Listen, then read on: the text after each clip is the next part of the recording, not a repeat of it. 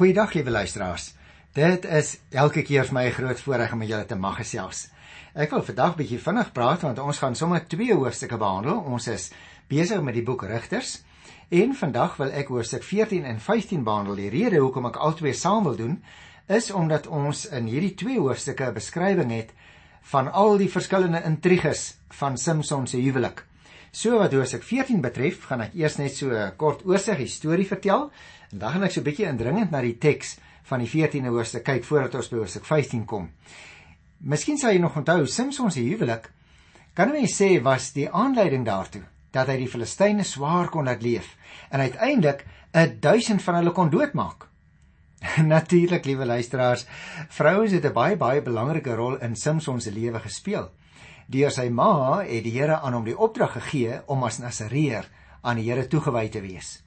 Deur 'n Filistynse meisie uit Timna kom hy nou in die geleentheid om in die geleedere van die Filistyne te kom en ook terselfdertyd groot skade onder hulle aan te rig. Samson speel dus 'n baie gevaarlike spel wanneer hy daarop aandring om met die heidense meisie te trou. Ons gaan dit hier kry in die 3de vers. Ek gaan net daarby kom. Wanneer hy wat 'n Nasareer is aan die dooie karkas raak en 'n feesmaal met drank vir jong manne aanbied. En ook wanneer hy toelaat dat hy geboei word en aan die Filistyne uitgelewer word. Hy plaas telkens sy Nasareer gelofte en sy lewe op die spel.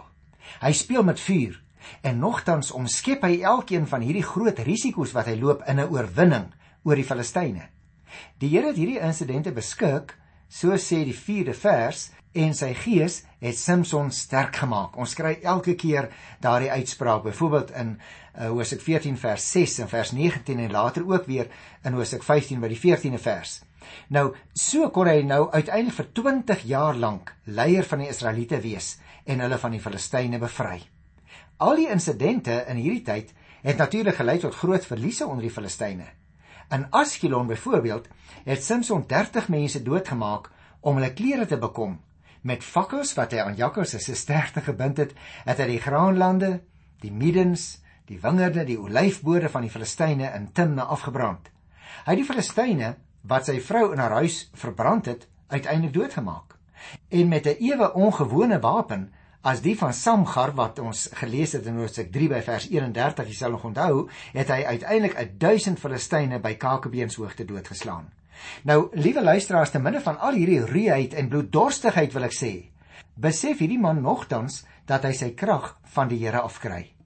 Jy sien, wanneer sy kragte hom begin begewe en hy na die gevegte van die Filistyne begin dors word, dan roep hy Juis by Roepersfontein, dit waar die plek sy naam gekry het, roep hy by Roepersfontein na die Here, soos wat sy volk eintlik in die begin al na God moes geroep het, maar hulle het dit nagelaat. Hy bely dat God die oorwinning moontlik gemaak het. God beskik oor lewe en dood. En wanneer hy water gee uit die holte by Legie, kan Samson weer sy krag terugkry. Die groot wonder word weer eens onderstreep van die hoë God wat die Here is van sulke klein mensies wat uit uit hulle nood na die Here toe roep en dan die genade ontvang om helde te word. Al is hulle in werklikheid soms halfpad skurke nê wonderlik dat die Bybel vir ons dit leer. Maar nou ja kom ons kyk eers dat die 14de hoofstuk se teks want hier staan 'n baie klomp interessante dinge in hierdie verse aangeteken. Ek begin sommer by die eerste vers. Op 'n keer het Samson na Timna toe gegaan en daar het hy 'n vrou gesien Sy was 'n Filistynse meisie. Nou liewe luisteraars, Timna was ongeveer so 9 km reg wes van Sora geleë. Ongeveer so 2 uur se loopafstand sou ek eh, nou raai as ek moet sê. Gedurende die oorheersing van die Filistyne was daar vrye kontak tussen die Israeliete en hulle. In die naburige dorp sien Samson toe eendag 'n Filistynse meisie Vers 2 sê hy teruggegaan en vir sy ouers vertel ek het 'n vrou in Timna gesien 'n Filistynse meisie gaan kry haar vir my as vrou. Het jy opgelet? Hy gee dit aan sy ouers te kenne wat sy begeerte is. Dan staan letterlik in Hebreëse taal geskrywe aan sy pa en ma. Ons moet natuurlik onthou volgens die huweliksgebruike van daardie tyd het die pa of ook soms die oudste broer 'n huwelik gereël. Die derde vers vertel vir ons maar sy ouers sê vir hom Is daar nie onder jou eie familie of onder al jou volksgenote vrou dat jy nou na hierdie heidene die Filistyne toe moet gaan om daar vir jou vrou te kry? Samson vir sy pa gesê: "Kry haar vir my, want ek hou van haar." Jy sien sy ouers probeer hom tot ander insig te bring. Hulle praat van onder sy familie en sy volksgenote moes daar tog sekerlik huwbare vrouens wees. Dit was dan strengste verbode tussen hakies om met die ou inwoners van die land te trou. Die Here dit verbied in Eksodus 34 vers 16. Die Filistyne kan hieronder gereken word want hulle was die vyande. Hulle was ook terselfdertyd natuurlik heidene. So lees ons hier, letterlik onbesnedenis gaan kyk maar daarvoor in Genesis 17 en daarom is daar beswaar ingebring teen Samson se versoek van sy ouers se kant af. Hy dring dan by sy pa daarom aan om die huweliksreëling voort te gaan. Sy ouers se beswaar ten spyt. Die 4de vers sê sy ouers het nie besef dat dit alles van die Here kom nie, want die Here wou 'n geleentheid skep om die Filistyne te straf. In die tyd het die Filistyne oor Israel geheers. Nou die skrywer van die boek Rigters vestig nou hier op ons aandag dat dit alles van die Here afkom. Vreemd hoe die Here soms werk nie waar nie. Die Here, so staan hier, wou die Filistyne straf en vir Israel verlos en daarom het die Here vir Samson na die Filistyne toe gelei. Die 5de vers sê Samson en sy ouers is toe na Timna toe. By die wingerde van Timna het 'n jong leeu brullend op Samson afgestorm. Nou Samson en sy ouers, nou ja, daar vat hulle nou die pad sien ons in hierdie prentjie waar sy ouers met die vrou se ouers oor huweliksonderhandelinge sou moes gaan praat. Samson was nie by sy ouers toe die leeu op hulle afgestorm nie. Blykbaar is hy op sy eie Timna toe. Want ons lees nie hier in die 5de vers dat hulle bymekaar was nie. Die 6de vers sê die gees van die Here het vir Samson sterk gemaak en hy het die leeu kaaland uitmekaar geskeur asof dit 'n bokkie was. Samson het nie vir sy ouers vertel wat hy gedoen het nie. Jy sien, die gees van die Here het vir Samson sterk gemaak sodat hy die leeu kaal hand uitmekaar geskeur het asof dit 'n bokkie was. Deel die skrywer ons mee. Sommige verklaarders dink aan 'n bokkie wat gewoonlik nadat dit gekook is, deur die pa van die huis uitmekaar geskeur is. Nietemin, die klem lyk dit vir my, liewe luisteraars, val in elk geval op die gemak waarmee hy dit gedoen het. Vers hy het toe met die Filistynse vrou gepraat en hy het van haar gehou. Samson en die Filistynse vrou eers net gesien, het ons in die eerste vers gelees, maar nou nadat hy met haar gaan praat het, het hy sommer baie van haar gehou. Vers 8 Toe hy ruk lank later terug is Timna toe om met haar te gaan trou, het hy afgedraai om na die geraamte van die leeu te gaan kyk. Daar was 'n swerm bye by die heuning in die karkas. Nou wanneer ons nou hier lees van 'n ruk later, dan besef ons hy is terug om met die vrou te gaan trou staan daar. Sy ouers is saam. Dit gaan ons eers in die 9de vers agterkom. Maar nou is dit eintlik baie ongewoon dat die huwelik by die bruidshuis sou plaasvind. Jy sien, sommige verklaarders is van oordeel dat dit 'n besondere soort huwelik was. Die man tref dan alle reëlings in so 'n geval vir huwelik en nadat dit eers plaasgevind het, bly die man en die vrou natuurlik elkeen by sy by hulle eie ouerhuis vir 'n hele ruk, terwyl die man dan net sy vrou op sekere tye gaan besoek. Ons kan egter nie uit die beskikbare gegevens wat ons hier kry volle bevestiging hiervoor kry in hierdie geval nie. Samson, so word wel vertel, draai uit na die geraamte van die leeu toe. Nou was daar 'n swerm bye in die karkas. Teken weer die prentjie, liewe luisteraars. Die warm droë weer moes die karkas laat uitdroog het. Dis kon daar 'n aansienlike tyd verloop het. Bye sou natuurlik nie in 'n redelike vars karkas 'n korf bou om daar te gaan woon nie. Vers 9 sê hy die heuning in sy hand gevat en daarvan geloop en eet. Toe hy by sy ouers kom, het hy vir hulle ook gegee en hulle het geëet. Maar hy het hulle nie vertel dat hy die heuning uit die karkas van 'n leeu gekry het nie. Samson het die heuning met sy hand uitgehaal lees ons en so met 'n dooie ding in aanraking gekom. Is belangrik dat ons dit sal opmerk. Dit maak 'n gewyde natuurlik onrein. En die hele drama rondom die leeu word nou uitvoerig vertel want dit is noodsaaklik vir die latere verstaan van die raaisel waarby ons gaan kom in die 14de vers. Die 10de vers leer vir ons toe sy pa by die vrou aankom, het Samson daar 'n feesmaal gehou. Dit was 'n gewoonte onder die jong manne van daardie tyd. Jy sien sy pa het saam in die heuning geëet en alhoewel die Hebreëus net melding maak van sy pa wat saam fees gevier het, kan ons sy ma ook daarbey betrek. Die woord wat hier gebruik word vir feesmaal hou verband met die woordjie drink. Jy sien by 'n feesmaal was daar volop wyn gewees. En nou is die belangrike punt: 'n Nasareener mag egter nie wyn gedrink het nie. Volgens die gewoonte het die feesmaal 7 dae geduur. Dit gaan ons in vers 12 lees, maar kom ek lees eers vers 11. Toe die Filistyne hom sien, het hulle 30 vriende by hom laat bly.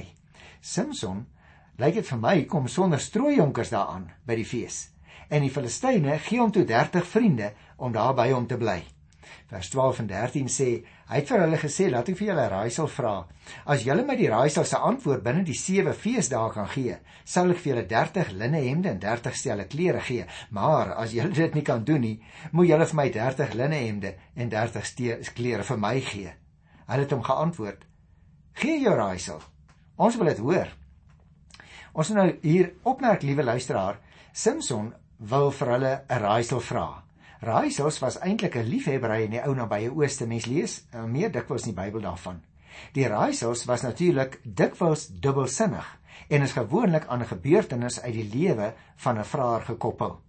Daar word nou ooreengekom dat die prys vir die oplossing 30 linne hemde. Nou wil ek dadelik sê dit was kosbare linne klere wat die naaste aan die liggaam gedra is en ook nog 30 stelle klere. Dit wil sê klere vir deftige geleenthede sal wees. Nou vers 14 Samson sê toe en hier is sy raaisel. Uit 'n eter kom daar iets te ete, maar uit 'n sterke kom daar iets soets. Die derde dag kon hulle nog nie die antwoord op die raaisel gee nie. Nou het jy opgemerk luisteraar, die raaisel wat in 'n poëtiese vorm gegee is, dit klink so bietjie hier deur, maar is baie duidelik in Hebreëus waarin dit geskrywe is. Nou die raaisel is baie moeilik. Selfs die derde dag lees ons kon hulle nog nie die antwoord gee nie. Nou sommige ou handskrifte het sewende dag hier geskrywe terwyl sekere geleerdes oordeel dat dit selfs die sesde dag moes gewees het. Daar is dus 'n probleem met die weergawe van getalle in hierdie geval spesifiek en ek wil sê dit het soms meer dikwels voorgekom in die ou handskrifte juis as gevolg van ou vertalings. Dit kon ontstaan het deur die presiese weergawe van wat daar gebeur het nie maklik oorvertel kan word nie en elkeen die probleem op sy eie manier wou probeer oplos in die geskiedenis. Maar hoe dit ook al sy, dit is nie vir ons van vreeslike belang nie. Die sewende dag sê hulle toe vir Samson se vrou: "Haal jou man oor om die antwoord op die raaisel aan ons bekend te maak. Anders verbrand ons jou en jou familie. Het jy ons hierheen genooi om ons skaal uit te trek?" Jy sien 'n mens kan verstaan, die familie is sommer nou baie vies uh dat daar so raaisel gees en hulle kry nie die antwoord daarop nie. Vers 16 sê Samson se vrou het by hom gehuil en gesê: "Jy haat my, jy het my nie lief nie. Jy het my mense 'n raaisel gevra sonder om vir hulle te sê wat dit beteken." Maar hy sê vir haar: "Hoe sou ek dit vir jou vertel? Ek het dit selfs nie vir my ouers vertel nie." Mens kan nou verstaan, hè, anders sou hy dit tog nie gegee het as 'n raaisel nie. Vers 17 Sy die hele 7 dae van die fees by hom geneel en op die 7de dag het hy vir haar vertel, want sy het hom bly lastig val. Sy het toe die antwoord op die raaisel vir haar mense gegee. En op die sewende dag net voor sononder sê die mense van die stad toe vir Samson: "Wat is soeter as heuning? Wat is sterker as 'n leeu?" Hy sê toe vir hulle: "Julle het met my kalf gevloeg, anders sou julle nie nou al die antwoord op die raaisel gevind het nie." Nou mense kan natuurlik verstaan dat hy baie vererg moes gewees het, want ons lees hier op die sewende dag net voor sononder dit wil sê net voordat Samson na die bruid se kamer toe sou gaan om die huwelik deur geslagsgemeenskap te voltrek het die Filistyne aan hom die oplossing gegee. Dit word weer so met 'n baie ryk klankspel in poëtiese vorm weergegee in die Hebreëus Samson reageer met 'n beeld wat later 'n spreekwoord geword het onder sy mense. Hulle het met my kalf geploeg sê hy dit wil sê hulle die antwoord deur sy vrou verkry en sy van hom. Dan vers 19: Die gees van die Here het vir Samson sterk gemaak. Ek het net al vir julle daarvan vertel, liewe luisteraars. En hy is af Askelon toe. Nou dit was natuurlik 'n ander Filistynse stad. En daar het hy 30 man doodgeslaan en hulle klere gevat en vir die mans gegee wat die raaisel uitgelê het. Hy was baie kwaad en toe is hy na sy pa se huis toe. Ek merk in hierdie 19de vers dat dit die gees van die Here is wat hom sterk gemaak het, soos ons ook in vers 6 gelees het. Askelon wat 'n Filistynse stad was en wat langs die kus gelê het, sou ek sê was so ongeveer 37 km van Timna af. Samson moes dus 2 of 3 dae weg gewees het. Die mense van Timna was dus aanvanklik onbewus van sy optrede. In Askelon het hy nou 30 manne gaan doodslaan en hy vat hulle klere. Dit lyk vir my, luisteraar, die Here wou Israel wel deur Samson van die Filistyne verlos, maar of die manier waarop Samson dit gedoen het presies volgens die wil van die Here was, dit sê die verhaal nie vir ons nie. En dan sê vers 20 net hierdie opmerking: Samson se vrou is toe aan die vriend gegee wat sy strooijonker was. Kan jy jou dit voorstel? Die bruid se pa handel nou verder kortsigtig deur in Samson se afwesigheid die vrou aan die strooijonker te gee om om sy vrou te word. En dit bring ons nou by die 15de hoofstuk. Die eerste vers sê 'n ruk later in die koringoestyd het Samson vir sy vrou gaan kuier en 'n bokkie saamgevat. Hy het gesê ek wil by my vrou slaap. Maar haar pa wou dit nie toelaat nie. Mens kan dit natuurlik verstaan. Liewe luisteraar, jy moet ook opmerk die koringoestyd was in Mei en in Junie. En 'n bokkie word as 'n soort versoening offer deur Samson saamgeneem. Maar nou kom eis hierdie man, Samson, dat huweliksregte aan hom gegee moet word. En natuurlik, die dame se pa wil dit nie toelaat nie. In die tweede vers uh, sê haar pa: "Ek was doodseker dat jy haar nou haat en daarom het ek haar vir jou strooijonker gegee. Haar jonger suster is mooier as sy. Jy kan haar kry in jou vrou se plek." nou ja, die vrou se pa weier tereg en nou verontskuldig hy hom deur te beweer dat hy gedink het dat Samson haar haat. Dit word gesê van 'n man wat sy vrou verwerp. Die pa is dus bewus van sy verkeerde optrede en hy probeer om die saak te beredder deur sy jonger dogter aan te bied.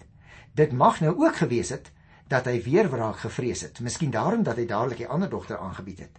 Maar die derde vers sê Samson sê vir hulle: "Hierdie keer het ek die Filistyne niks verkeerds aangedoen nie.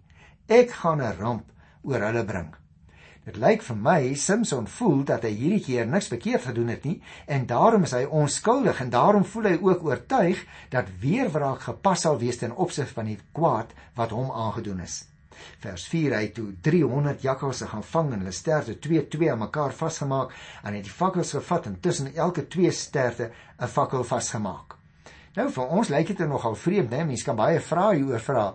Uh byvoorbeeld Samson het 300 jakkalse gaan vang. Dit moet jakkalse gewees het wat in troppe voorgekom het. Hy het fakkels tussen die sterte vasgemaak. Nou volgens die skrywer Ovidius het die Romeine ook op die graanfees in April vir die godin Ceres jakkalse met fakkels aan hulle sterte in die arena losgelaat. Dit sou dan die oes van besmetting vrywaar het die Romeine geglo. Maar hier dis nou nog voor die tyd van die Romeine natuurlik, was dit niks anders nie as weerwraak. Samson het die fakkels aan die brand gesteek en die jakkalse tussen die graan van die Filistyne losgelaat.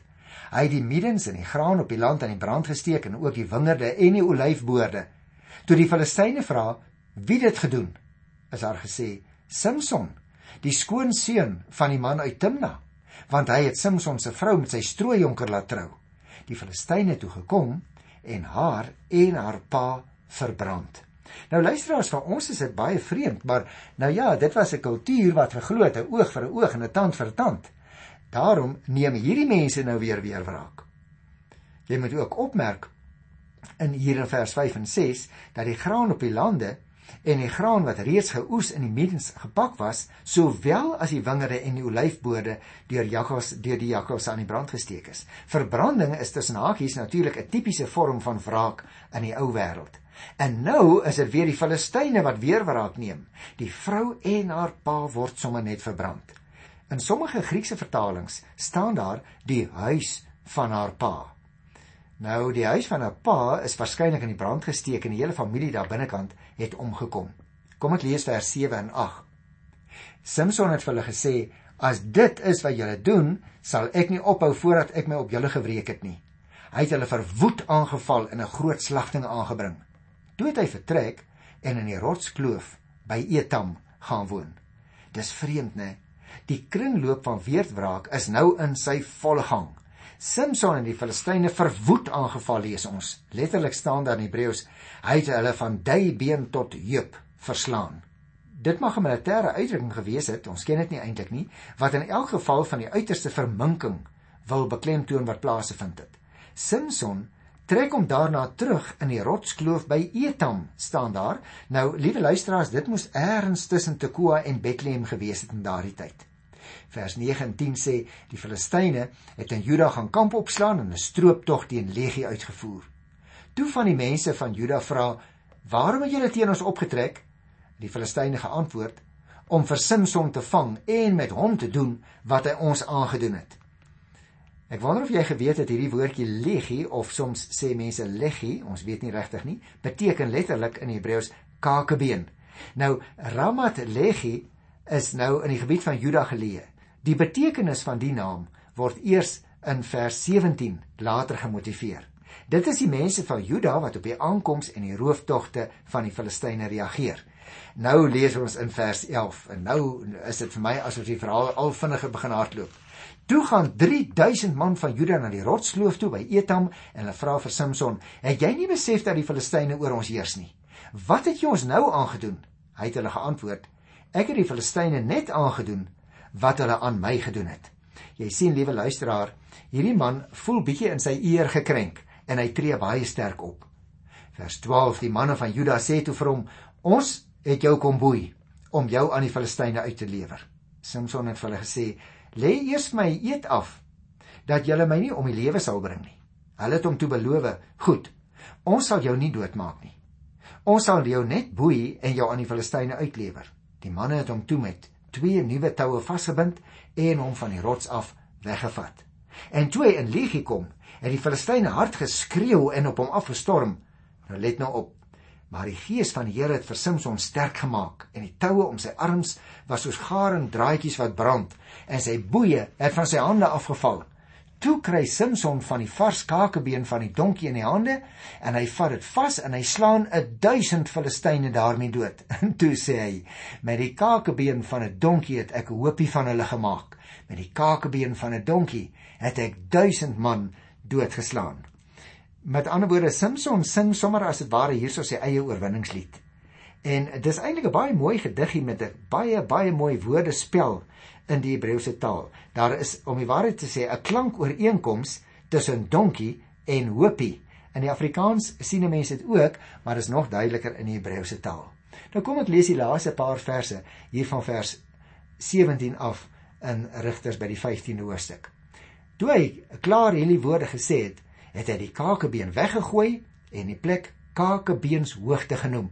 En daar het ons dus nog 'n voorbeeld wat ek vir jou gesê het dat 'n plek soms sy naam kry as gevolg van 'n gebeurtenis. Ons noem dit in die taalkunde etiologie. En nou word hierdie plek voortaan in die geskiedenis genoem Kakebeenhoogte. Vers 18. Samson was baie dors en toe roep hy die Here: U het hierdie groot oorwinning deur my moontlik gemaak.